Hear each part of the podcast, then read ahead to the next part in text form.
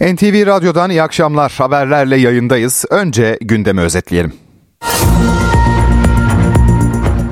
İlk Türk astronot Alper Gezer Avcı uzay çalışmalarına başladı. Uzay istasyonundan ilk görüşmesini Cumhurbaşkanı Recep Tayyip Erdoğan'la yaptı. Cumhurbaşkanının ve Türk astronotun mesajlarını aktaracağız.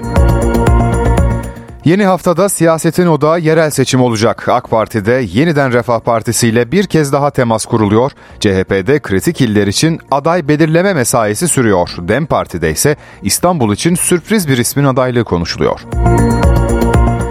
Kira geliri olup gelir beyanında usulsüzlük yapanlar mercek altına alınıyor. Hazine ve Maliye Bakanlığı yeni bir çalışma başlattı. Usulsüzlük yapan nasıl tespit edilecek, yaptırımı ne olacak? Bir hukukçudan görüş aldık. Antalya'da 6 günde sahile 8 cansız beden vurdu. Muğla'da da karadan ulaşımın olmadığı sahilde bir kadına ait ceset bulundu. Cansız bedenler kime ait? İlk bulgular neyi gösteriyor? Anlatacağız. Amerika'da Donald Trump'ın başkan adaylığı için taşlar döşeniyor. Trump'ın en büyük rakibi Trump lehine adaylıktan çekildi. Washington'a bir bağlantımız olacak. Sporun gündemi de akışımızda olacak. Türkiye Kupası'nda kurallar çekildi. Beşiktaş ve Fenerbahçe Süper Lig ekipleriyle eşleşti. Gündemin özeti böyle. Ayrıntılar için ve daha fazlası için NTV Radyo'da akşam haberleri başlıyor.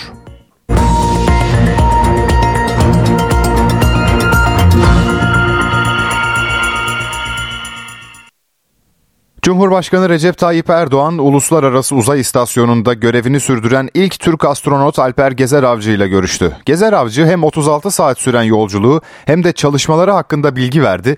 Cumhurbaşkanı ilk astronotumuz oldun ama son olmayacaksın dedi. Orada bulunmandan bizler de kıvanç duyuyoruz. Uluslararası Uzay İstasyonu'ndaki görevinin şu anda hangi aşamasındasın? Öncelikle yer çekimsiz ortamda bulunmak hakikaten çok farklı bir deneyim. 8 aya aşan süre çok yoğun bir eğitim ve titiz bir planlamanın ardından Uluslararası Uzay İstasyonu'na ulaşır ulaşmaz görevime bu detaylı plana uygun şekilde başladım. Bu faaliyetlerin ilk adımı Türk astronot ve bilim misyonumuzun en önemli kısmını teşkil eden bilimsel deneylerimizi hassas şartlarda istasyondaki yerlerine aktarmaktı. Deney düzeneklerimizi uzay istasyonuna olan uçuşu gerçekleştirdiğimiz Dragon kapsülünden istasyon içerisindeki deney öncesi muhafaza konumlarına naklederek bu önemli ilk adımı tamamladım. Bunun ardından da bahsettiğim planlı takvim dahilinde deneylerimize başladım. Buradaki görevim boyunca tüm bu deneyleri tamamlayıp sonuçlarını beraberinde ülkemize getirmek üzere kayıt altına alıyor olacağım. Şu an dünyadan yaklaşık 400 kilometre uzaklıkta yer çekimsiz ortamdasın. Bu durum seni nasıl etkiliyor? Vücudumuzda uzaya çıktığımız ilk andan itibaren daha ISS'e ulaşmadan Dragon'un içinde bazı belirgin değişiklikleri hemen hissetmeye, görmeye başladık. Dolaşım, kas ve iskelet sistemin başta olmak üzere tüm bedenimde bu değişiklikleri halihazırda da gözlemleyebiliyorum. Örneğin burada normalde tüm vücuduma dağılması gereken sıvılar başta kan olmak üzere yer çekimi olmadığı için vücudumun üst kısımlarına doğru birikiyor. Yüz çehrem bu nedenle dünyada olduğundan daha şişkin görünüyor. Normalde vücut ağırlığımı taşıyan iskelet ve kas sistemim burada aynı yükü hissetmiyor.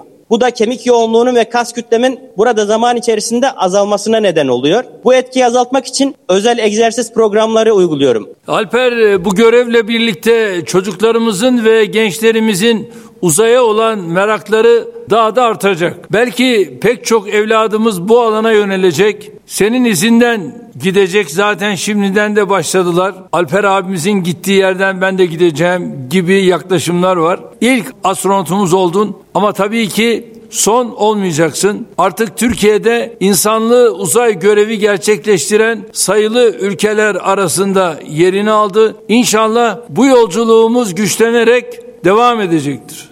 Alper sana özellikle başarılar diliyorum. Görevini tamamlayıp inşallah yeryüzüne sağ salim iftiharla taşıdığın ay yıldızlı bayrağımızla birlikte dönmeni temenni ediyorum. Sağlıcakla kal. Allah'a emanet ol. HDP'nin eski eş başkanı Selahattin Demirtaş'ın eşi Başak Demirtaş'ın İstanbul Büyükşehir Belediye Başkanlığı'na aday olabileceği iddiası siyasette yankı buldu. Gazeteciler o iddiayı bugün CHP Genel Başkanı Özgür Özel'e sordu. Özel'in konu hakkındaki değerlendirmesine bakalım. Dem Partisi'nin parti meclisinin bir açıklaması var. Kent uzlaşısı arayacağız diye. Biz de üzerlerinde kentin uzlaşabileceği belediye başkan adayları arıyoruz. Bunun dışında Dem Parti'nin yaptığı açıklama, parti meclisinde aldığı karar ve bizim adaylıklarımızın birbiriyle ilgisi ya da gizli kapılar arasında bir görüşme yok. Zaten ilan edilen adaylardan da bunu hep birlikte izliyorsunuz. Başak Hanım'ın her Türk vatandaşının, Türkiye Cumhuriyeti vatandaşının hakkı olan seçme ve seçilme hakkını kullanmayla ilgili kendisine ilişkin irade beyanı veya bir katkısı olacaksa düşünebilirim denen yaklaşım herkesin saygı duyması gereken bir yaklaşımdır. Ama bundan önce bize karşı yapılan saygısız bütün saldırıları boşa düşürmesi açısından da son derece önemlidir. MHP lideri Devlet Bahçeli yerel seçim öncesi 28 Ocak'ta sahaya iniyor. MHP ilk seçim mitingini Mersin'de yapacak. Genel Başkan Yardımcısı Semih Yalçın MHP mitinglerinde kullanacakları seçim sloganlarından bir tanesinin Cumhur bizim, Türkiye hepimizin olacağını söyledi. İkinci miting ise 4 Şubat'ta Manisa'da gerçekleşecek.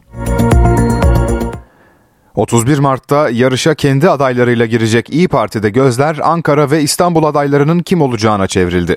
Parti sözcüsü Kürşat Zorlu artık son aşamaya gelindi dedi. Tek başına girme kararımızın ardından buz kırıldı, yol açıldı.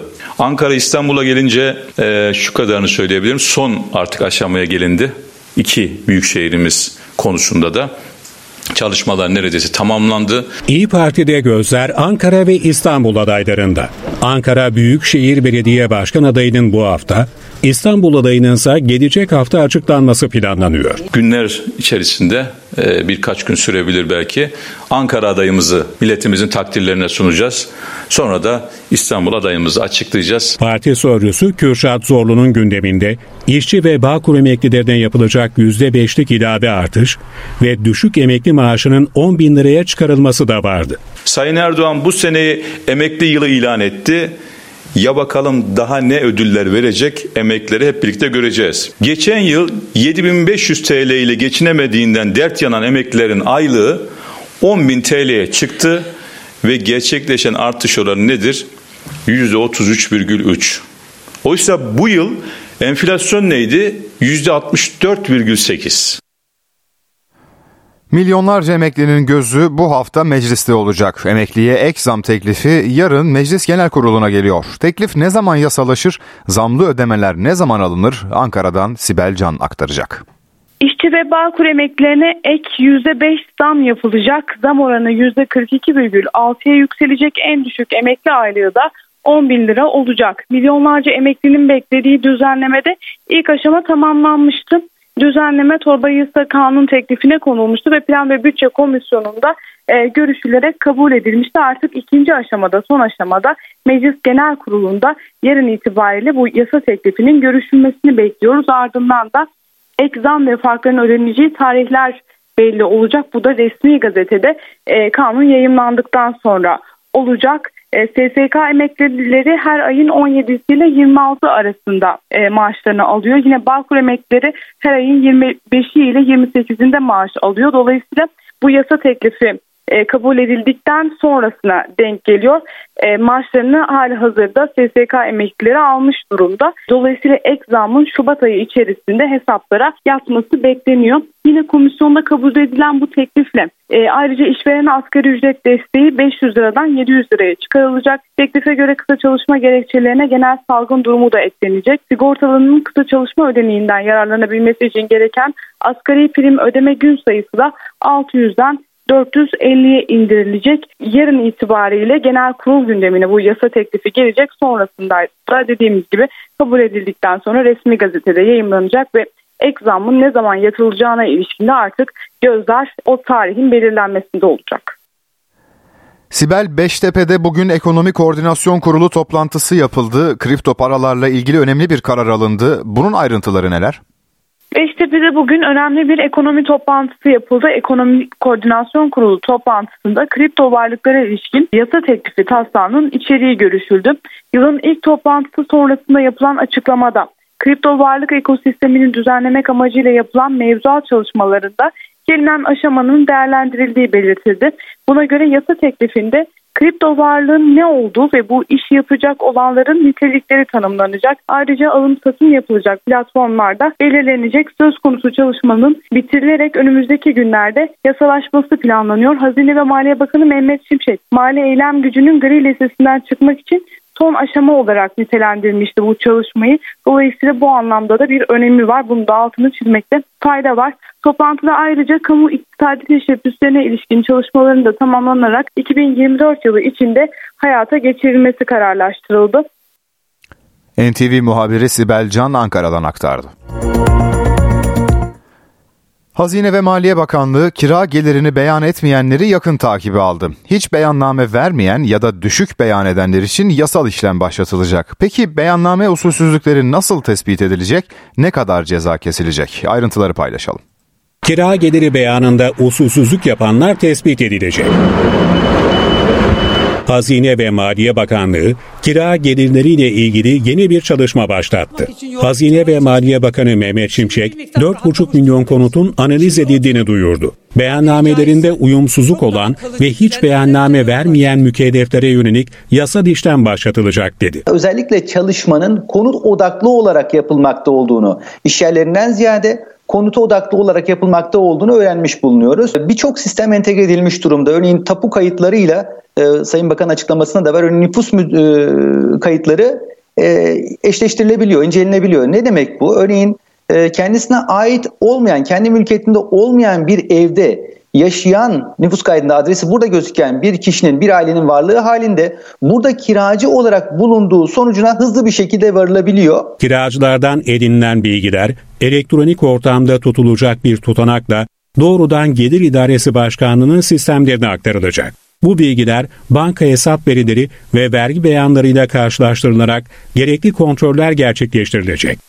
Adreslerde fiili tespit de yapılacak. Kurala uymayan mükellefler hakkında yasal çalışma başlatılacak. Aylık ödemelerinde e, lütfen hangi ayın kirasını ödüyorlarsa o ayın kirasına ilişkin ödeme yapıldığını açıkça beyan ederek ödeme yapmaları çok kıymetli. Burada ziya olan verginin bir katı kadar e, vergi e, sorumluluk doğacaktır beyanda bulunan açısından. Bir önceki yılın kira geliri beyanı Mart ayı içerisinde yapılıyor. Beyannameden muaf olan tutar 2023 için 21 bin lira. Antalya'da sahile son günlerde peş peşe cansız bedenler vuruyor. 6 günde deniz kenarında 8 ceset bulundu. Benzer bir haber de Muğla'dan geldi. Günler geçtikçe sayıları arttı. Akdeniz sahilinde ulaşılan cansız bedenlerin sayısı 9'a çıktı. Antalya'dan sonra Muğla'da da bir ceset bulundu. Antalya'nın Serik ilçesinde otel çalışanları sahilde cansız beden olduğu ihbarı yaptı. Bölgeye giden ekipler 500 metre aralıklarla sahile vurmuş iki cansız beden buldu. Cansız bedenler otopsi ve kimlik tespiti için Adli Tıp Kurumu'na gönderildi. Böylece Antalya sahillerinde son 6 günde bulunan cansız beden sayısı 8'e yükseldi. Bulunan kişilerin bir kaçak teknesinin batması sonucu ölmüş olabileceği üzerinde duruluyor. Suriye ve Lübnan arasındaki bölgeden 90 kişinin olduğu bir teknenin hareket ettiği, Kıbrıs'a giden teknenin battığı, cansız bedenlerin de bu olayda hayatını kaybeden kişilere ait olduğu iddialar arasında. Antalya Valiliği, ölenlerin büyük bölümünün kıyafetlerin üretim yerinin Suriye olduğunu açıkladı. Muğla Köyceğiz'de de karadan ulaşımın olmadığı sahilde bir kadına ait cansız beden bulundu. Bir kolu olmayan kadının bu teknedekilerden biri olup olmadığı araştırılıyor. Ölenlerden birinin ise 15 gün önce Antalya'da kaybolan üniversite öğrencisi Merve Şevval Elmas'a ait olabileceği belirtiliyor. Ailesinden alınan DNA örneği inceleniyor. Bir yeni haber. Sunucu Ece Erken'in eşi avukat Şafak Mahmut Yazıcıoğlu'nun öldürülmesine ilişkin 20 sanığın yargılandığı davada karar açıklandı. Mahkeme Mahmut Yazıcıoğlu'nu ateş eden sanık Kadir Yasağa müebbet hapse mahkum etti. İstanbul Taksim'de 6 kişinin hayatını kaybettiği, 99 kişinin de yaralandığı bombalı terör saldırısıyla ilgili davada 3 sanığın tahliyesine karar verildi. İstanbul 13. Ağır Ceza Mahkemesi'nde 5. duruşma bugün görüldü. Dava kapsamında 18'i tutuklu 36 sanık yargılanıyordu.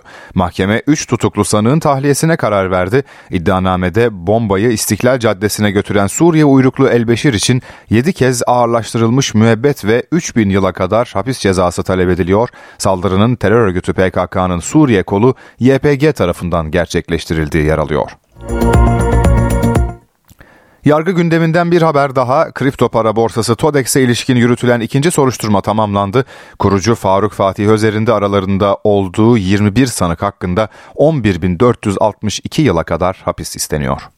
İstanbul Anadolu Cumhuriyet Başsavcılığı binlerce kişinin mağdur edildiği kripto para borsası TODEX'e ilişkin ikinci soruşturmayı da tamamladı. 94 milyon liralık vurgun yapıldığı tespit edildi. TODEX'in kurucusu Faruk Fatih Özer'in de aralarında bulunduğu 21 kişi nitelikli dolandırıcılık, örgüt kurmak ve yönetmekle suçlandı. Haklarında 11.462 yıla kadar hapis cezası istendi. Hazırlanan raporda mağdurların parasının büyük kısmının kripto paraya dönüştürülerek yurt dışındaki borsalara aktarıldığı belirtildi. Şüphelilerin ayrıca yakınları üzerine bir altın şirketi kurduğu, hiçbir faaliyeti olmayan bu şirket aracılığıyla fiziki altın alındığı tespit edildi.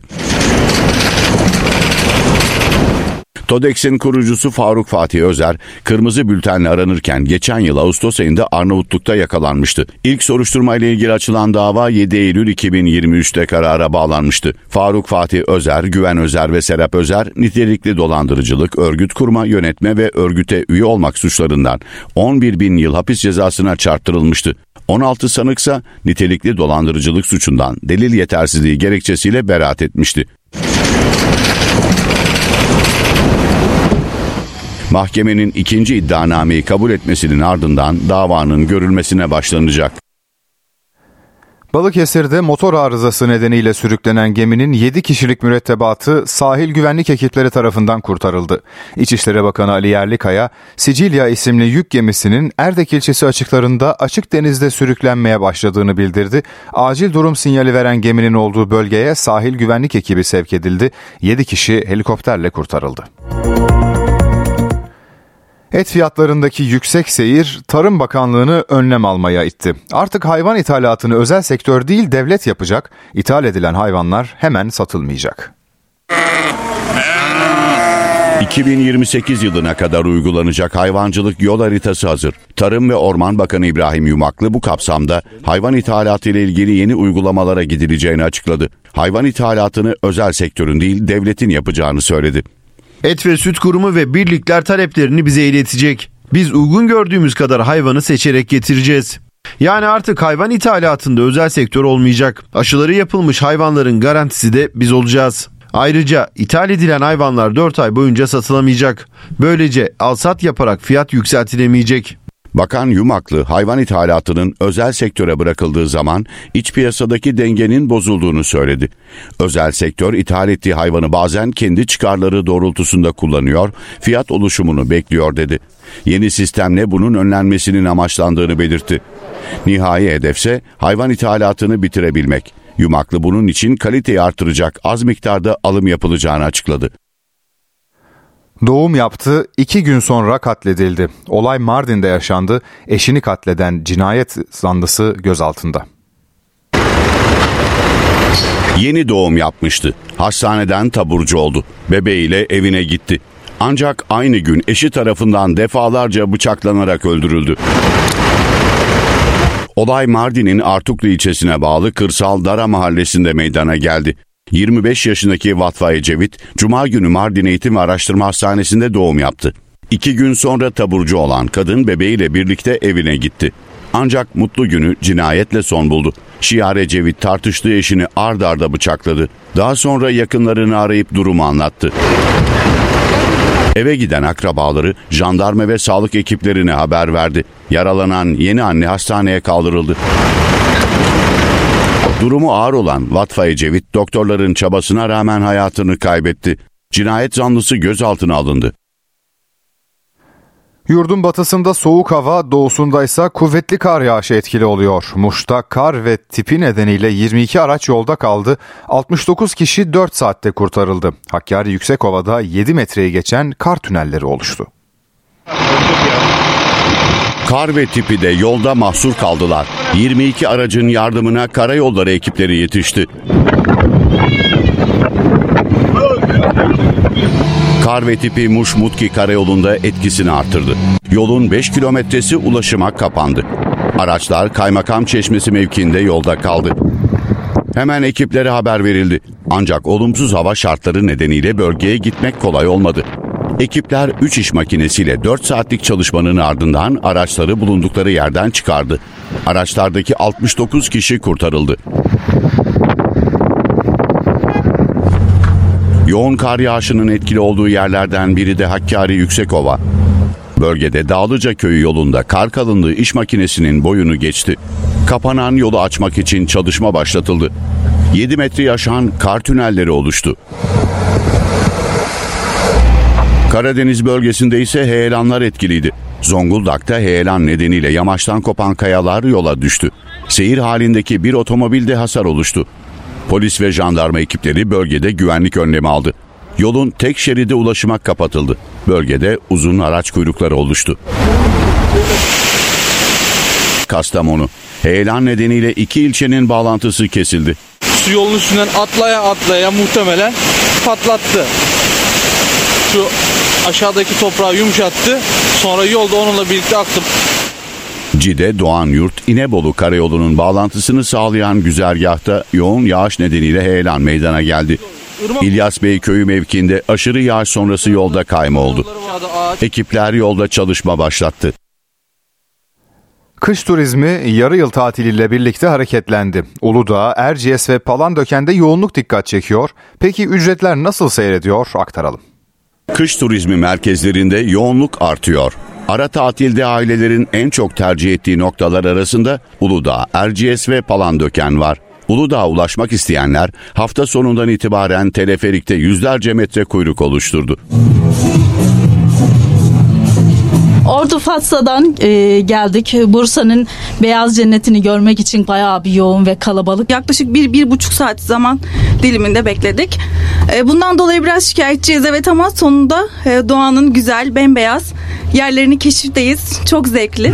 Kar kalınlığının yarım metreyi bulduğu Uludağ'da oteller, pistler dolu.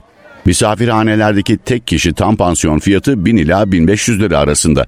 Otellerdeki fiyatlarsa gecelik kişi başı 3 bin ila 40 bin lira arasında değişiyor. Tek çocuklu ailenin bir haftalık tatili ise 150 bin lirayı geçebiliyor. Buna içecekler, kayak kıyafetleri ve kayak pistindeki harcamalar dahil değil. Aynı ailenin Erciyes ve Palandöken'deki tatil maliyetleri de benzer fiyatlara denk geliyor. Her iki noktada otellerin doluluk oranı %90'ı buluyor. Okullar tatil olunca biz de e, tatile falan döküne geldik. Vizeler bitti. Benim okulum yıllık sistem. Mutluyum, çok mutluyum gerçekten. Büyük bir stres kalktı üzerimizden. Bugün de buraya kaya stresimizi atmaya geldik. Ee, misafirlerimizi, öğrencilerimizi, tüm doğa severleri herkese Erciyes'e bekliyoruz. NTV Radyo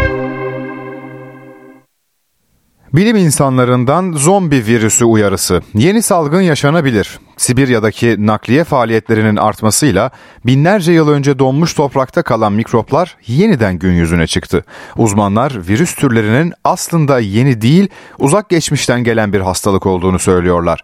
Genetikçi Jean-Michel Claverie, bağışıklık sistemimizin bu mikropların bazılarıyla hiç temas etmemiş olabileceğini ve bunun hastalıkları tetikleyebileceğini ifade ediyor. Hazırlıklı olmak gerektiğine dikkat çeken uzmanlar, karantina tesisleri kurma ve erkenden vakaları tespit edip tedavi sağlama üzerine çalışacaklarını söylüyor. Amerika'da Donald Trump'ın başkanlık yolundaki engellerden biri daha kalktı. Florida valisi Ron DeSantis, Cumhuriyetçi Parti'nin başkan adaylığı yarışından çekildi.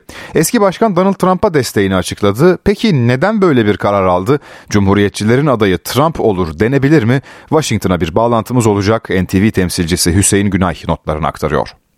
Herkes şu konuda hemfikir.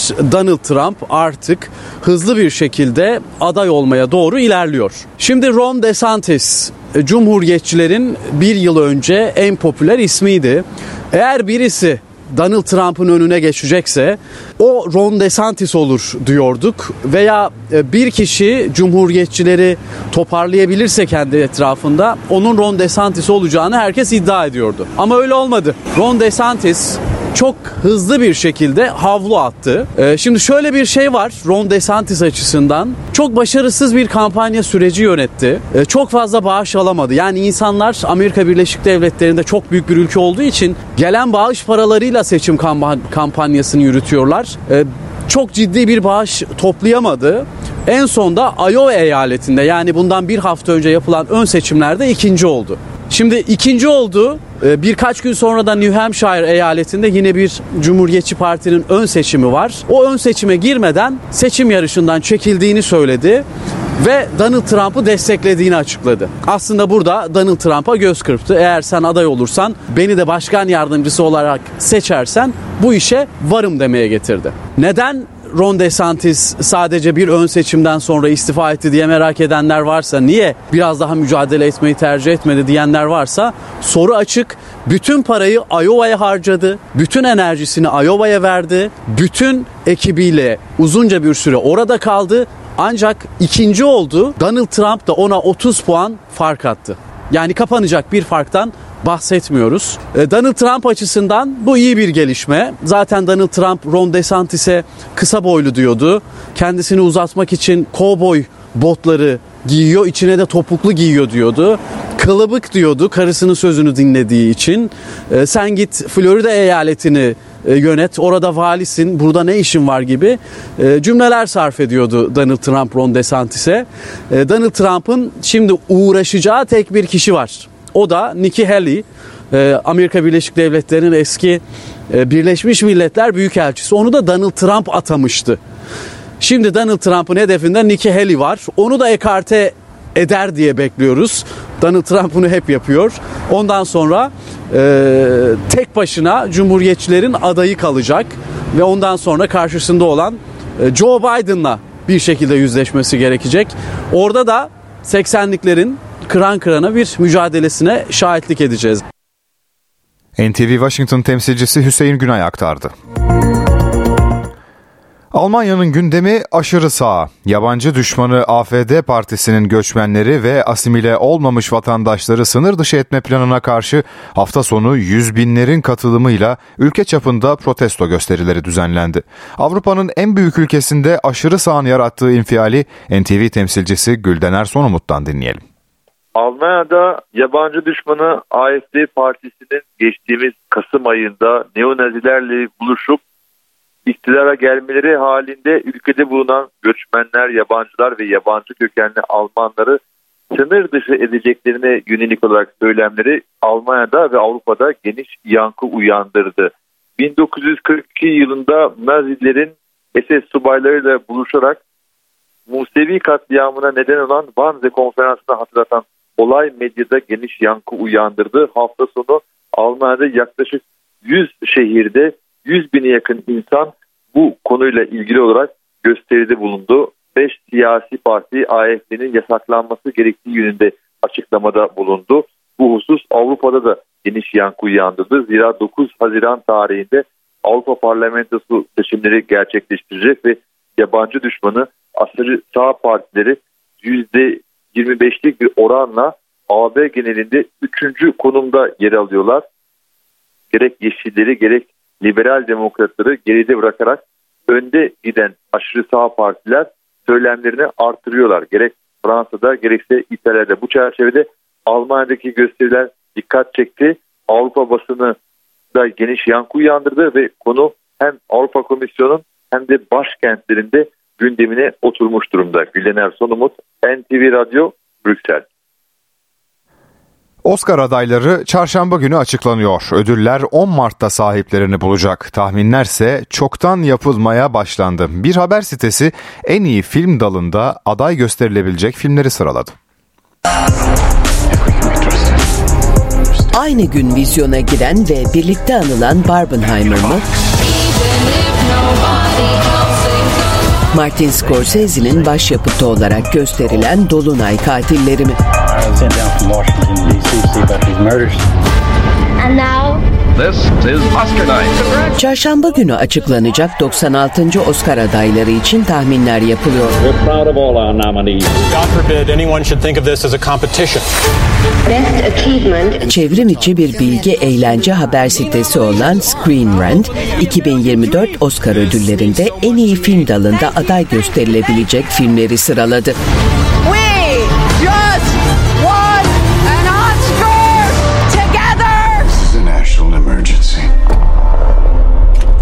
Listenin şaşırtmayan filmleri atom bombasının mucidini anlatan Oppenheimer'la Feminist Manifesto Barbie oldu.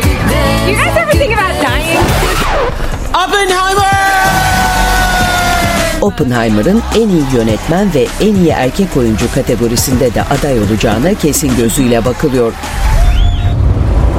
Whose land is this? My land. Martin Scorsese imzalı Leonardo DiCaprio, Robert De Niro, Brandon Fraser gibi isimlerin rol aldığı ve Cannes Film Festivali'nde premieri yapılan Dolunay Katilleri, Oscar ödüllerinin en güçlü adaylarından biri olarak sayılıyor. Their time is over. We got to take back control of our home. Oscar'da Hollywood yapımlarının yanı sıra Avrupa filmlerinin de görünür olduğu bir gerçek. Cannes Film Festivali'nde büyük ödül Altın Palmiye'yi kazanan Justine Triet imzalı bir düşüşün anatomisi bir Fransız filmi olmasına rağmen Oscar'ın en iyi film adayları arasında yer alacak gibi görünüyor. Not a monster. I can't stand anymore! I'm!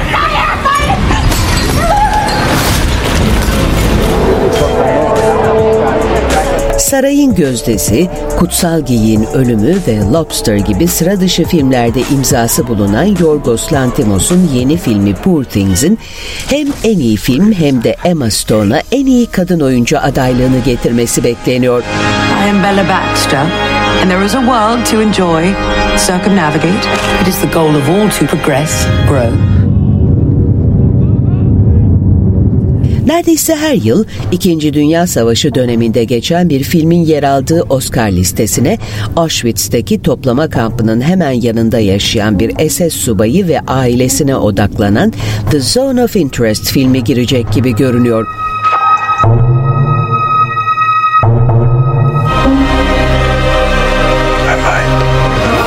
Bradley Cooper imzalı Maestro,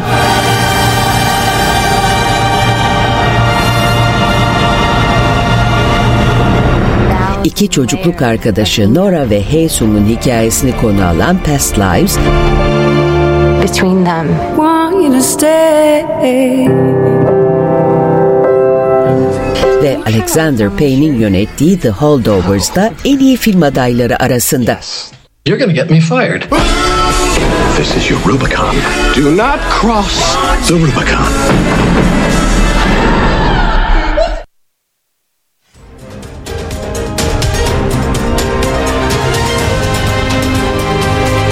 NTV Radyo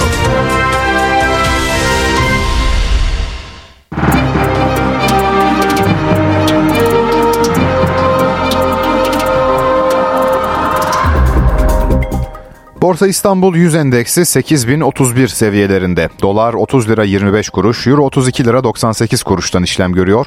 Euro dolar paritesi 1.08. Ons altın 2020 dolarda, gram altın 1966 liradan, çeyrek altın 3334 liradan satılıyor. Brent petrolün varil fiyatı ise 79 dolar.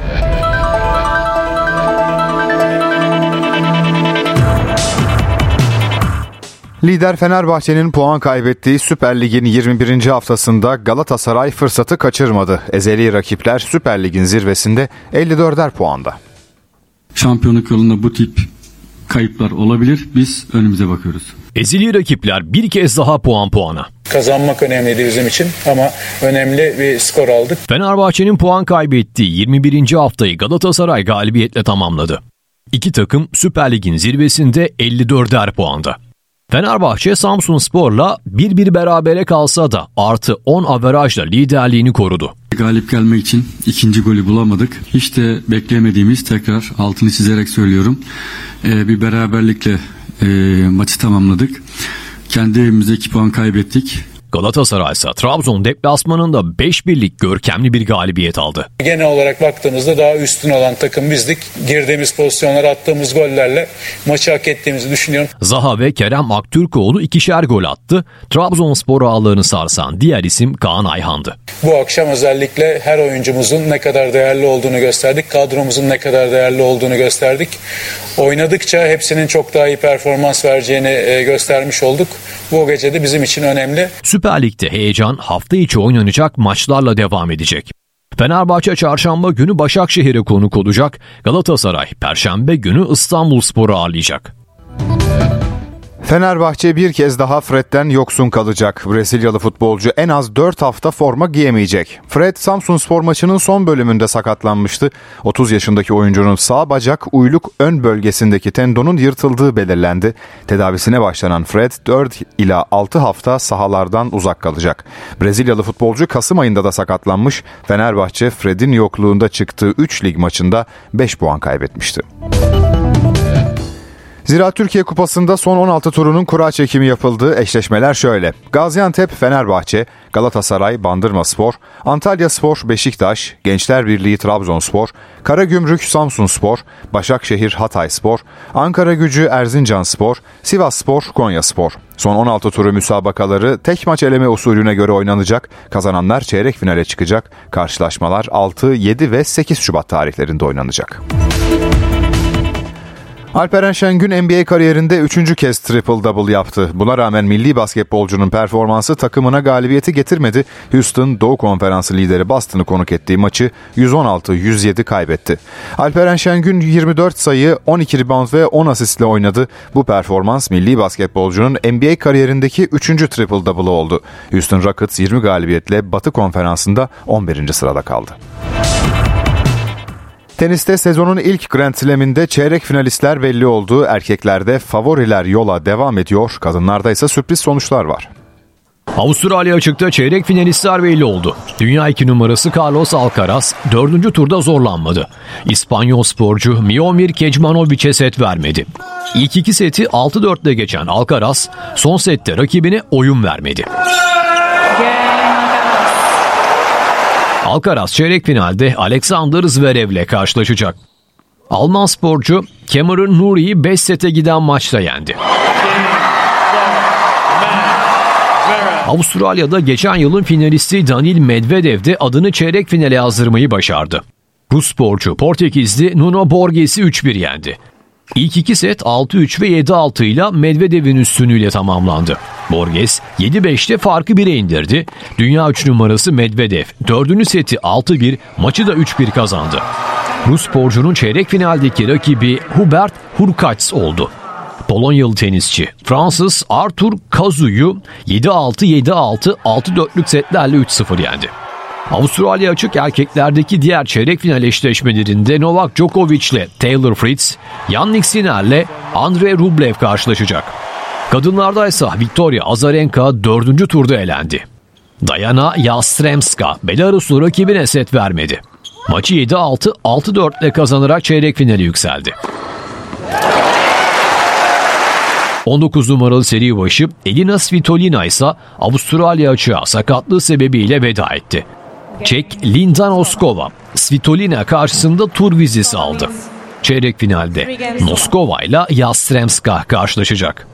Kim Wenjeng 4. tur maçını 59 dakikada kazanmayı başardı. Çinli sporcu Ocean Dodin'i 6-0 6-3'lük setlerle mağlup etti.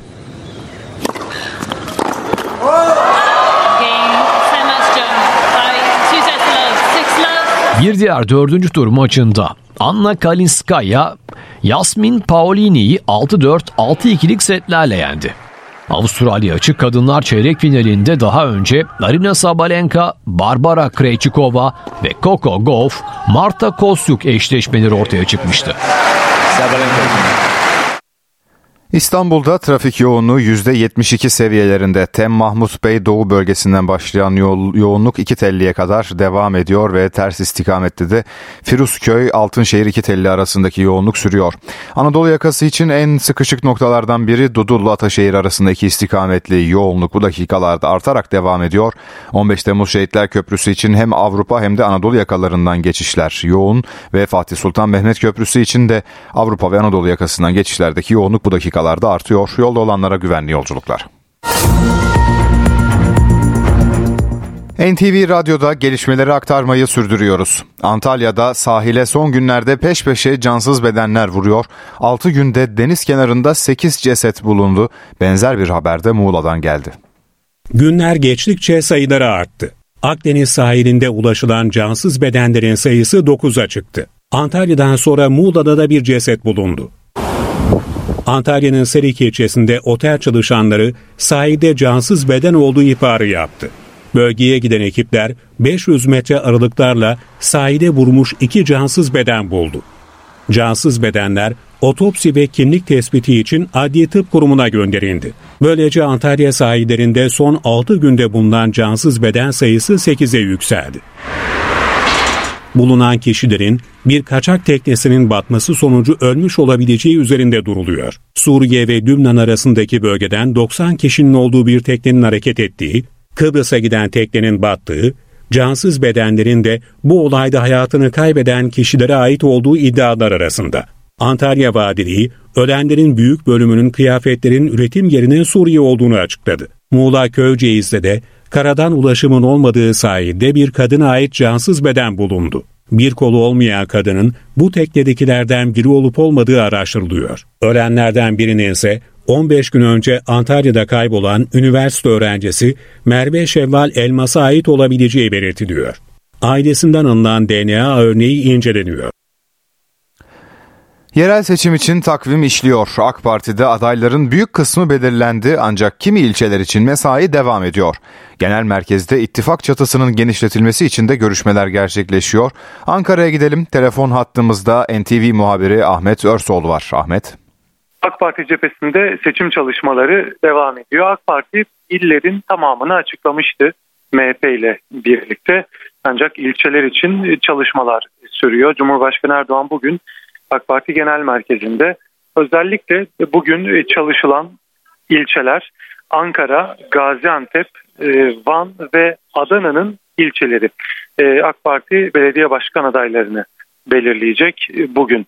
Özellikle Ankara ve İzmir'in ilçelerinin adayları merak ediliyor. Hafta sonu e, Ankara'da açıklanması için bir çaba olduğunu da söylemekte fayda var. Bununla birlikte AK Parti Genel Merkezi bugün hareketli e, Cumhurbaşkanı Recep Tayyip Erdoğan Genel Başkan Yardımcılarıyla görüşürken saat 19'da yeniden Refah Partisi heyeti AK Parti Genel Merkezi'ne gelecek. Saat 21'de de Büyük Birlik Partisi heyetinin gelmesi bekleniyor. Bu görüşmeler önemli çünkü e, özellikle AK Parti ve yeniden Refah Partisi arasında İstanbul, Ankara ve İzmir'de bir işbirliği yapılması planlanıyor. İstanbul düşünüldüğünde seçimlerde son anketlerde e, baş başa bir e, çekişme yaşanacağı e, görünüyor. Bu nedenle yeniden Refah Partisi'nin AK Parti'ye vereceği olası bir desteğin önemli olduğu AK Parti cephesinde kabul ediliyor. Nasıl bir ittifak olacak bu henüz net değil. AK Parti cephesi il adaylarını açıklamadan önce yeniden Refah Partisi'nin bazı illerde AK Parti'den destek istediği iddia edilmişti.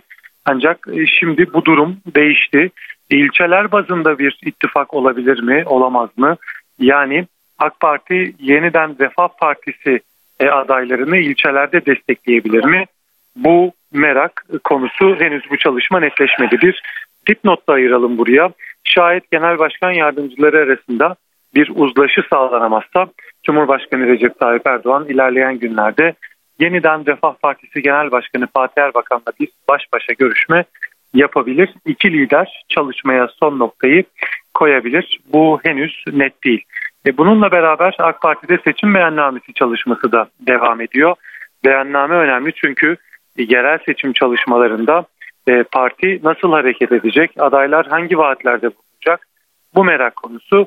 Seçim beyannamesi 30 Ocak'ta önümüzdeki hafta salı günü açıklanacak. Cumhurbaşkanı Erdoğan tarafından seçim beyannamesi 8 başlıktan oluşacak ve özellikle depreme karşı dirençli ve güvenli şehirler sloganlarının bu beyannamede ön planda olması beklentiler arasında. Ankara'dan Ahmet Örsoğlu aktardı. CHP'nin seçim gündemiyle devam edelim. Aralarında İzmir ve Antalya'nın da olduğu bazı büyük şehirlerle İstanbul'un birçok ilçesinde adaylar henüz açıklanmış değil. Gözler cuma gününe çevrildi. Bir diğer sıcak konuysa HDP eski eş başkanı Selahattin Demirtaş'ın eşi Başak Demirtaş'ın DEM Parti'den İstanbul Büyükşehir Belediye Başkan adayı olabileceği iddiası. CHP lideri Özgür Özel'den bu konuda bir açıklama geldi. Şimdi başkentte kalmaya devam edeceğiz. Telefon attığımızda Özgür Akbaş var. Özgür notların neler? Önce CHP ile başlayalım. CHP'de gözler, tüm dikkatler Cuma günü yapılacak iki kritik toplantıda. Önce Merkez Yönetim Kurulu ardından parti meclisi toplantısı gerçekleşecek. Ve bu toplantılarda önemli büyük şehirlerin e, belediye başkan adaylarının e, açıklanması bekleniyor. Sadece büyük şehirlerin değil il, bazı iller ve ilçelerde var. Özellikle İstanbul'un e, önemli ilçelerinin adaylarının da e, bu toplantıda e, açıklanması bekleniyor. Yaklaşık iki haftadır yerel seçim gündemini e, bir türlü oluşturamamıştı Cumhuriyet Halk Partisi. Hem yaşanan terör saldırıları, şehit haberleri nedeniyle yerel seçim gündemli toplantılar ötelenmişti. Ancak Cuma günü e, bu konuda iki kritik toplantıyı e, yapacaklar. Bu toplantılarda özellikle Antalya, Muğla gibi iki büyük şehrin adaylarının açıklanması bekleniyor. Ee, özellikle Antalya tabii e, kim olacak? Muhittin Böcek'le mi yoluna devam edecek Cumhuriyet Halk Partisi yoksa farklı bir isim mi olacak? E, bu merak ediliyor ve özellikle Muratpaşa Belediye Başkanı Ümit Uysal'ın olma ihtimali de yüksekleniyor. Tabi burada Antalya'da DEM Partisi'nin Muhittin Böce'ye ilişkin bazı e, olumsuz görüşleri olduğunu biliyoruz. Zaten bunu ifade ediyorlar. Bunu dikkate alacak mı Cumhuriyet Halk Partisi ve buna göre mi hareket edecek yoksa anketlere mi bakılacak? Aslında hepsinin değerlendirildiğinde biliyoruz. E, buna göre bir karar e, verecek e, Antalya'da. Bunun yanı sıra tabii Muğla'da eski milletvekillerinin adaylık başvuruları vardı. Muğla'da da sürekli anketler yapılıyor. Bu noktada Muğla Belediye Başkan adayının da Cuma günü açıklanması bekleniyor. Peki İzmir ne olacak? En çok merak edilen konulardan biri de hiç şüphesiz İzmir 2019 yılında da son haftaya bırakılmıştı İzmir Büyükşehir Belediye Başkan adayı. E, bu noktada İzmir'le ilgili son anketler bir kez daha ankete başvurdu CHP ve bu anket sonuçları bekleniyor. Dört aday adayının sorulduğu ifade ediliyor e, bu e, anketlerde. Özellikle e, Tunç Soyer ismi e, mevcut belediye başkanı Tunç Soyer'in ismi e, ama onun yanı sıra e, Karşıyaka Belediye Başkanı Cemil Tugay, eski Bornova Belediye Başkanı Olgun Atilla ve eski Genel Sekreter ve sonrasında İstanbul'a gitmişti Buğra Gökçe isimlerinin sorulduğunu biliyoruz anketlerde ama bir isim var ki o da oldukça önemli Selçuk Belediye Başkanı Filiz Sengel. Filiz Sengel'in ismi de önemli çünkü bir kadın adayın olmasını istiyor CHP Genel Başkanı Özgür Özel. Bu noktada Filiz Sengel'in bir e, adım önde olduğu yine e, kulislere yansıyan bilgiler arasında. Muğla, Denizli, Kocaeli, Edirne gibi önemli kentlerin belediye başkan adayları da bu cuma açıklanabilir. Ama bunların yanı sıra İstanbul'da 14 ilçe açıklamıştı Cumhuriyet Halk Partisi. AK Parti bütün İstanbul'da ilçeleri açıkladı. Şimdi Cumhuriyet Halk Partisi'nin cuma günü özellikle kale gibi gördüğü Kadıköy, Bakırköy, Beşiktaş, Şişli gibi ilçelerin adaylarını da e, açıklaması bekleniyor. Cuma günü yapılacak toplantıda yine uzun soluklu bir toplantı olacak gibi gözüküyor. Bunun yanı sıra tabii e, Başak Demirtaş'ın İstanbul'da e, DEM Partisi'nden Büyükşehir Belediye Başkan adayı olabilir mi olamaz mı? Bu konuda başkent Ankara'da çok yoğun bir şekilde konuşuluyor. Başak Demirtaş'ın açıklamalarının DEM Partisi'nde sürpriz olarak nitelendirildiği ifade ediliyor. E, bu konuda DEM Partisi yöneticilerinin bilgisi olmadığı yine konuşulan e, gelen bilgiler arasında ama 25 ve 26 Ocak tarihlerinde DEM'de de önemli toplantılar olacak. MYK toplanacak, parti meclisi toplanacak ve DEM İstanbul'da aday çıkartacak mı? eğer o aday çıkartma kararı alınırsa o aday Selahattin Demirtaş'ın eşi Başak Demirtaş mı olacak? Bunu 25 ve 26 Ocak'ta yapılacak toplantılarda e, göreceğiz öyle gözüküyor. Bu noktada CHP Genel Başkanı Özgür Özel Tunceli'deydi. E, Kamer Genc'in anma toplantılarına katıldı ve bu Başak Demirtaş'ın aday olma ihtimali Özgür Özel'e soruldu. Özgür Özel ise Başak Hanım'ın her Türkiye Cumhuriyeti vatandaşının hakkı olan seçme ve seçilme hakkını kullanma ile ilgili kendisine ilişkin irade beyanı veya bir katkısı olacaksa düşünebilirim denen yaklaşım herkesin saygı duyulması gereken bir yaklaşımdır dedi Özgür Özel ee, ve şunu biliyoruz ama CHP ile İDEM Partisi bir işbirliği e, arayışındaydı. Bu noktada e, bugün e, mecliste de bir basın toplantısı vardı. Sezai Temelli e, DEM Partisi Grup Başkan Vekili bütün ihtimalleri komisyonumuz değerlendiriyor. Güç birliğiyle kazanacağımız yerler konusunda da ortak çalışma neden olmasın dedi. Yani bir arka kapı diplomasisiyle DEM Partisi ile CHP'nin bu yönde e, güçlü olan yerlerde kazanmaya dair bir işbirliğiyle ilgili hala kapının açık olduğu da çok net bir şekilde görüldü. Bugünkü e, Sezai Temelli'nin yaptığı açıklamadan böyle bir e, noktaya süreç sürecin evrildiğini söylesek çok da yanlış olmaz. Ama tabii şimdi en çok merak edilen Başak Demirtaş'ın DEM Partisi bünyesinde İstanbul Büyükşehir Belediye Başkan adayı olup olmayacağı bunu da ilerleyen günlerde göreceğiz. Ankara'dan NTV muhabiri Özgür Akbaş'ın notlarını dinledik. Emekliye ek zam teklifi Meclis Genel Kurulu'na geliyor. Düzenleme yarın parlamentoda görüşülüp yasalaşacak. Teklifle %5 ek zamla birlikte işçi ve Bağkur emeklilerinin maaş artış oranı %42,6'ya yükselecek. En düşük emekli aylığı da 10 bin lira olacak. Düzenlemenin yasalaşmasının ardından zam farkları hesaplara yatacak. Teklifle ayrıca işverene asgari ücret desteği 500 liradan 700 liraya çıkarılacak. Cumhurbaşkanı Recep Tayyip Erdoğan, Uluslararası Uzay İstasyonu'nda görevini sürdüren ilk Türk astronot Alper Gezer Avcı ile görüştü. Canlı bağlantıda Gezer Avcı, 40 saat süren uzay yolculuğu ve istasyonda yaptığı çalışmalar hakkında Cumhurbaşkanı'nı bilgilendirdi. Türk astronot istasyonda 14 günde 13 farklı deney yapacak. Deneylerden birinde yosunlar kullanılacak. Boğaziçi Üniversitesi'nin desteğiyle yapılan projenin başındaki isim olan Doktor Berat Haznedaroğlu, Alper Gezer Avcı ile eğitim sürecini ve o çalışma çalışmanın ayrıntılarını NTV'ye anlattı. İlk defa bir uzay istasyonundaki yer çekimsiz ortamda alglerin davranışlarını görüntüleyebileceğiz. Yer çekimsiz ortamda karbondioksiti oksijene çevirecek Türkiye'nin ilk astronotu Alper Gezer Avcı uzayda bir ilki test edecek. Alglerin fotosentetik performansına yaptığı etkiler, etkiler e, mikroalglerin e, geçirdiği metabolik değişiklikler e, derin DNA dizileme dediğimiz bir teknikle e, incelenecek. Ve bu ilk defa e, gerçekleşiyor. Böyle bir çalışmayı e, Uluslararası Uzay İstasyonu'nda herhangi bir ülke daha önce gerçekleştirmedi. İlk Türk astronot Alper Gezer Avcı Uluslararası Uzay İstasyonu'na ulaştı. Gezer Avcı uzayda geçireceği 14 günde 13 farklı deney yapacak. Deneylerden birinin adı uzay görevleri için mikroalgal yaşam destek üniteleri yani uzman. Uzman projesi karbondioksitten oksijen üretmeyi hedefliyor. Projemiz kapsamında e, ufak bir e, deneysel küpümüz var. E, yaklaşık 20 santim, 20 santim ve 10 santimetre e, yüksekliğinde. E, bu deney küpümüz e, Alper Bey tarafından e, ISS'in Columbus e, modülünde bulunan bir üniteye e, takıldı e, dün akşam e, takıldı. E, bugün e, verileri almaya başladık yavaş yavaş. Hmm. Amacımız e, normalde uzay istasyonunda farklı kimyasal ve fiziksel proseslerle karbondioksit oksijene çevriliyor. E, mürettebat oksijen ihtiyacı böyle karşılanıyor.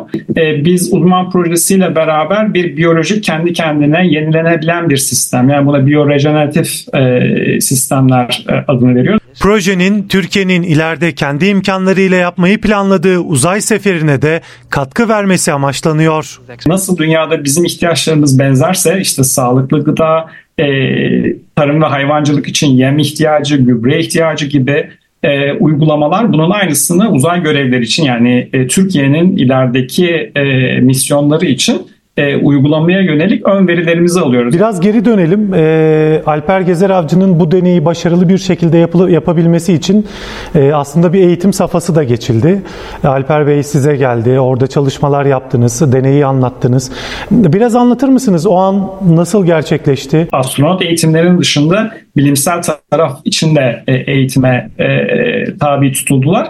Bu eğitimler hem pratik hem teorik içeriklerden oluşuyordu. Deneylerin nasıl yapılacağıyla ilgili aslında kendi e, oturup e, lab e, masalarına e, kendileri deneyleri tekrarladılar. Alper Bey de Tuğa Bey de e, çok hızlı yani çok donanımlı insanlar e, ve e, bu deneyleri çok hızlı bir şekilde anlayıp hızlı bir şekilde de aslında feedback verebiliyorlar. Yani bir geri dönüşüm sağlayabiliyorlar. Boğaziçi Üniversitesi yürütücülüğündeki uzman projesine TÜBİTAK Marmara Araştırma Merkezi ve İstanbul Medeniyet Üniversitesi destek veriyor.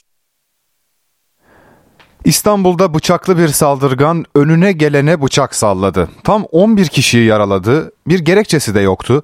Polis her yerde zanlıyı arıyor. 9.30'da başlamış. Saat 1.30'da beni bıçakladı. Başka hastaneye gidenlerin sayısı var.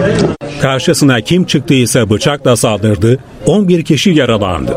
Ortada ne bir tartışma ne de bir kavga vardı.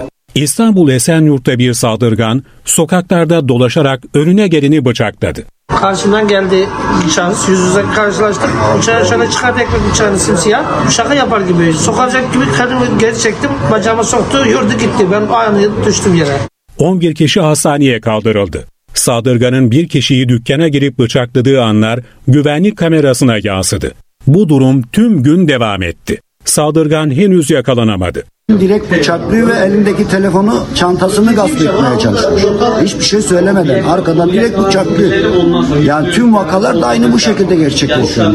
Yaralıların sağlık durumları ilk belirlemelere göre iyi. Polis zanlıyı arıyor. NTV Radyo Gazze'de insani trajedi büyüyor. Hayatını kaybedenlerin sayısı 25 bini geçerken küçük bir alanda sıkışan sivil halk ilaç, gıda ve yakıt sıkıntısı yaşıyor.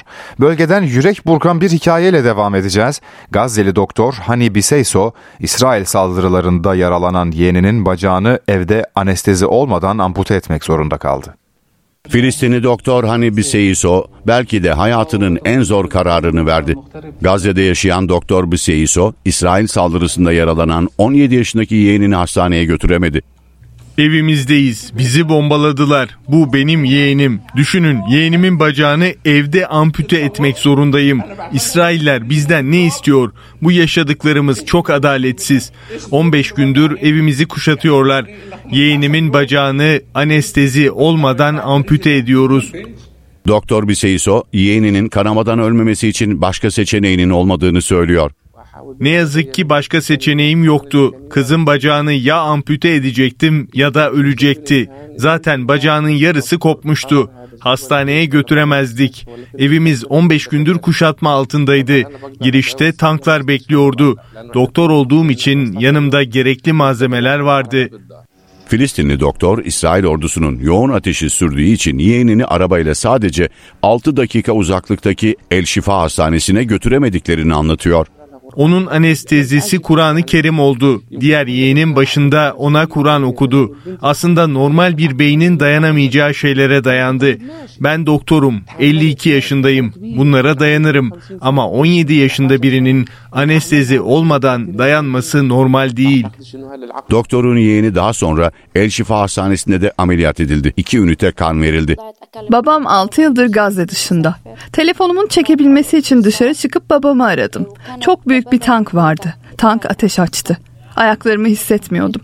Beni evin içine taşıdılar. Yemek masasına yatırdılar. Amcam orada bacağımı kesmek zorunda kaldı. Doktorlar Gazze'de birçok kişinin vaktinde hastaneye götürülemedikleri için hayatını kaybettiğine dikkat çekiyor. Çin'de heyelan 18 evi yuttu. En az 8 kişi hayatını kaybetti. Kurtarma çalışmaları dondurucu soğukta ilerliyor. Kayıp onlarca kişi var. Heyelan evleri yuttu, hayatını kaybedenler oldu. Olay Çin'in Yunnan eyaletinin Zaotong şehrinde meydana geldi. Heyelan şehirdeki iki köyü vurdu. En az 18 ev toprak altında kaldı. Köy sakinleri heyelana uykudayken yakalandı. Yerleşim yerlerinde büyük hasar oluştu. Bazı evlerin çatılarının çökmesi sonucu yaralananlar oldu. Karla kaplı dağlık bölgeden 500'den fazla kişi tahliye edildi. Çin Devlet Başkanı Xi Jinping, can kayıplarının en aza düşürülmesi için kurtarma ekiplerine hızla organize olmaları talimatı verdi. Enkaz altında kalanları aramak için yaklaşık bin kişilik kurtarma ekibi görevlendirildi. Bölgede hava sıcaklığı eksi 4 dereceye kadar düştü. Dondurucu soğuk ve kar yağışının kurtarma çalışmalarını güçleştirdiği açıklandı. Çalışmalar sürerken kayıplardan bazılarının cansız bedenlerine ulaşıldı. Toprak kaymasını neyin tetiklediği henüz bilinmiyor. Çin son aylarda bir dizi doğal afet yaşadı. Eylül ayında Huangshi bölgesinde şiddetli yağışın tetiklediği toprak kayması sonucu en az 7 kişi hayatını kaybetmişti. Ağustos'ta da Xi'an şehrinde sağanağın neden olduğu toprak kayması 20'den fazla kişinin ölümüne yol açmıştı. İngiltere'yi ise fırtına vurdu. Rüzgarın hızı saatte 150 kilometreyi aşınca adada alarm durumuna geçildi. Ulaşım aksadı. İngiltere'den notları Gökhan Bozkurt aktarıyor. Fırtına hayatı hayli olumsuz etkiledi. Dün geceden itibaren sabaha kadar kabus dolu saatler yaşandı desek abartmış olmayız. Hem denizde hem havada hem karada hem demir yollarında çok ciddi aksamalara neden oldu. Çünkü e, fırtınanın az önce sen de söyledin 150'nin üzerine çıkmıştı. 158'in üzerine çıkarak rekor kırdı. Hatta kimi yerlerde 170 ve daha fazlasının ölçüldüğünü söylüyor yetkililer. Tabi bu denli sert ve şiddetli rüzgarlar da hayatı ciddi anlamda olumsuz etkiledi. Tabi dikkatlerin çevrildiği yer denizde çünkü denizde bu denli yüksek rüzgarların yarattığı fırtına e, deniz ulaşımını olumsuz etkiledi. Feribot seferleri iptal edilmek durumunda kaldı.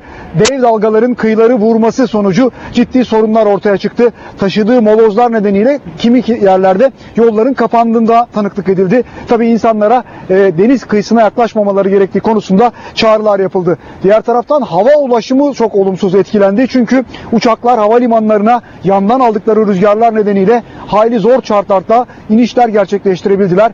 Birleşik Krallığın en e, büyük havalimanlarından birisi olan Heathrow Havalimanı'nda uçakların iniş yaparken hayli zorlandığına tanık, tanıklık ettik. Tabi bir sosyal medya sitesi üzerinden o anlar canlı olarak yayınlandı ve binlerce insan canlı pilotların o e, büyük bir mücadele içerisinde rüzgara karşı inişlerini izlediler. Hatta öyle ki Türk Hava Yolları'na ait bir uçak da e, bu zorlu şartlarda iniş gerçekleştiren uçaklardan birisiydi.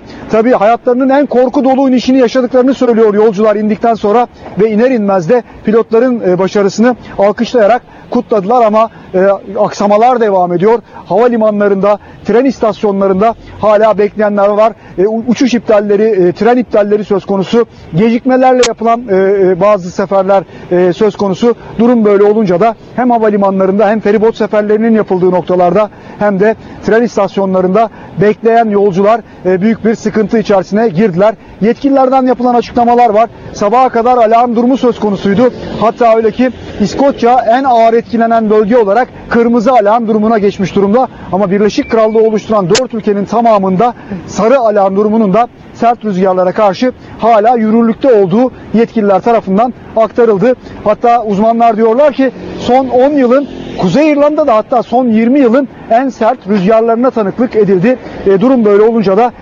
insanlara zorunlu olmadıkça araçlarını kullanmamaları, seyahat etmemeleri yönünde çağrılar yapıldı. Bilhassa en yoğun etkilenen İskoçya'da tedbirli olmaları gerektiği söyleniyor insanlara. Sokağa çıkmak zorunda değilseniz çıkmayın şeklinde uyarılar yapıldı. Biz başkent Londra'dayız. Londra'da etkisini biraz olsun yitirdi e, sert rüzgarlar ama hala zaman zaman sağanaklarla etkisini hissedebiliyoruz. Tabii hal böyle olunca da haftanın ilk gününde e, seyahat etme konusunda ciddi aksaklıklarla karşı karşıya e, kaldı insanlar. Tabii üzücü gelişmeler de söz konusu. Özellikle sert rüzgarlar çok sayıda ağacın e, kırılmasına ve yollara düşmesine neden oldu ve e, yola düşen ağaçlardan birisine e, çarpan e, sürücüler de söz konusuydu. İşte o sürücülerden ikisi hayatını kaybetti. Birisi e, Kuzey İrlanda'da, e, birisi de yine İngiltere'nin bir e, noktasında e, ağaca çarparak hayatlarını yitirdiler. İki kişi şu ana kadar yaşamını yitirmiş durumda. Yetkililer tehlikenin hala geçmediğini ifade ediyorlar. Sert rüzgarların devam edeceğini söylüyorlar. Ee, yaşanan bu e, alarm durumunda özellikle dikkatli olması gerektiği çağrıları ard arda yineleniyor. Şu ana kadar e, çok sayıda bölge elektriksiz kalmış durumda. Bir süre daha enerji verilemeyecek çağrıları yine yetkililer tarafından yapıldı. E, ve özellikle e, bu durumda olanlara karşı bir an evvel yardımın ulaştırılması ve elektriğin tekrar sağlanabilmesi için yoğun çalışmaların da yine devam ettiği ifade ediliyor. Birleşik Krallığı oluşturan ülkelerden İngiltere'de e, Avrupa'nın en büyük nükleer santrallerinden birisi var. İşte orası da yine herhangi bir sıkıntı yaşanmaması için tüm operasyonlarını durdurduğunu açıkladı. Fırtınanın yaratabileceği herhangi bir olumsuzlukla karşı karşıya kalınmaması adına böyle bir kararın alındığı ifade ediliyor. Tabi yetkililerden ardarda arda yollar gelmeye devam edecek gibi de anlaşılıyor. Hayat bir taraftan da normale döndürmeye çalışılıyor ama e, bir süre daha e, su baskınları ve e, yine benzer tehlikelerin fırtınayla birlikte hala yürürlükte olacağı yine ifade ediliyor ve insanlara sokağa çıkmaları halinde daha tedbirli, daha dikkatli davranmaları gerektiği konusundaki çağrılar da ardarda arda yinelenmeye devam ediyor Burcu. NTV Londra temsilcisi Gökhan Bozkurt NTV ile ortak yayında aktardı. Bu bölümü yurttan bir haberle noktalayalım. Havaların soğuk gitmesi balığa yaradı. Şu sıralar tezgahta özellikle levrek bollaştı. Fiyatı ise 200 lirayla 350 lira arasında değişiyor. Balık tezgahlarında levrek bolluğu yaşanıyor. Son haftalarda havalar soğudu. Balık çeşitliliği arttı. Her yıl olduğu gibi Ocak ayında levrek yine bollaştı. 12 ay her türlü balık var. Tabi bunların da zaman yasakları var.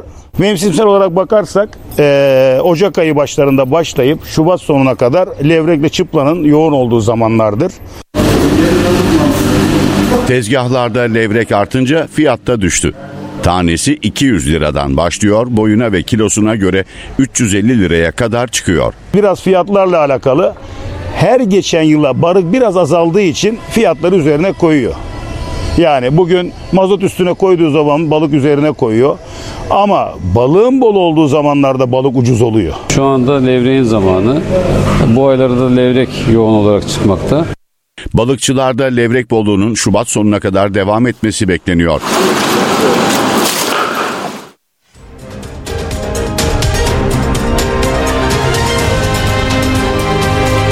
NTV Radyo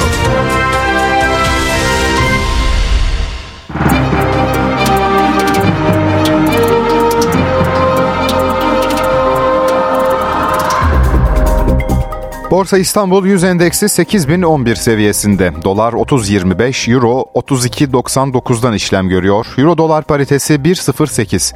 Ons altın 2025 dolarda. Kapalı çarşıda gram altın 1970 liradan satılıyor. Çeyrek altın 3341 liradan alıcı buluyor. Brent petrolün varil fiyatı ise 79 dolar.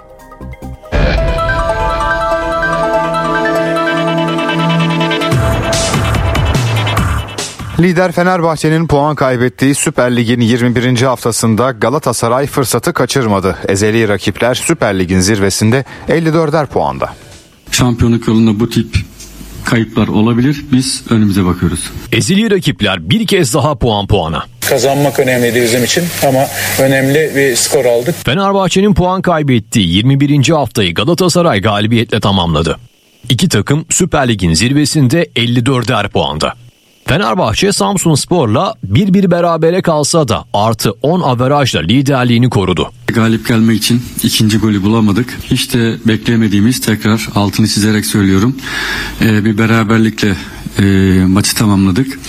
Kendi evimizde 2 puan kaybettik. Galatasaray ise Trabzon deplasmanında 5 birlik görkemli bir galibiyet aldı. Genel olarak baktığımızda daha üstün olan takım bizdik. Girdiğimiz pozisyonlar attığımız gollerle maçı hak ettiğimizi düşünüyorum. Zaha ve Kerem Aktürkoğlu ikişer gol attı. Trabzonspor ağlarını sarsan diğer isim Kaan Ayhan'dı. Bu akşam özellikle her oyuncumuzun ne kadar değerli olduğunu gösterdik. Kadromuzun ne kadar değerli olduğunu gösterdik.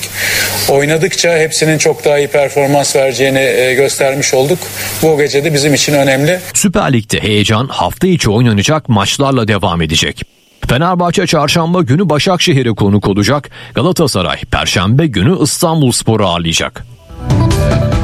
Fenerbahçe bir kez daha Fred'den yoksun kalacak. Brezilyalı futbolcu en az 4 hafta forma giyemeyecek. Fred Samsun spor maçının son bölümünde sakatlanmıştı. 30 yaşındaki oyuncunun sağ bacak uyluk ön bölgesindeki tendonun yırtıldığı belirlendi. Tedavisine başlanan Fred 4 ila 6 hafta sahalardan uzak kalacak. Brezilyalı futbolcu Kasım ayında da sakatlanmış. Fenerbahçe Fred'in yokluğunda çıktığı 3 lig maçında 5 puan kaybetmişti. Zira Türkiye Kupası'nda son 16 turunun kura çekimi yapıldı. Eşleşmeler şöyle. Gaziantep, Fenerbahçe, Galatasaray, Bandırma Spor, Antalya Spor, Beşiktaş, Gençler Birliği Trabzonspor, Karagümrük Samsun Spor, Başakşehir Hatay Spor, Ankara Gücü Erzincan Spor, Sivas Spor, Konya Spor. Son 16 turu müsabakaları tek maç eleme usulüne göre oynanacak. Kazananlar çeyrek finale çıkacak. Karşılaşmalar 6, 7 ve 8 Şubat tarihlerinde oynanacak. Alperen Şengün NBA kariyerinde üçüncü kez triple double yaptı. Buna rağmen milli basketbolcunun performansı takımına galibiyeti getirmedi. Houston Doğu Konferansı lideri Boston'ı konuk ettiği maçı 116-107 kaybetti. Alperen Şengün 24 sayı, 12 rebound ve 10 asistle oynadı. Bu performans milli basketbolcunun NBA kariyerindeki üçüncü triple double oldu. Houston Rockets 20 galibiyetle Batı Konferansı'nda 11. sırada kaldı.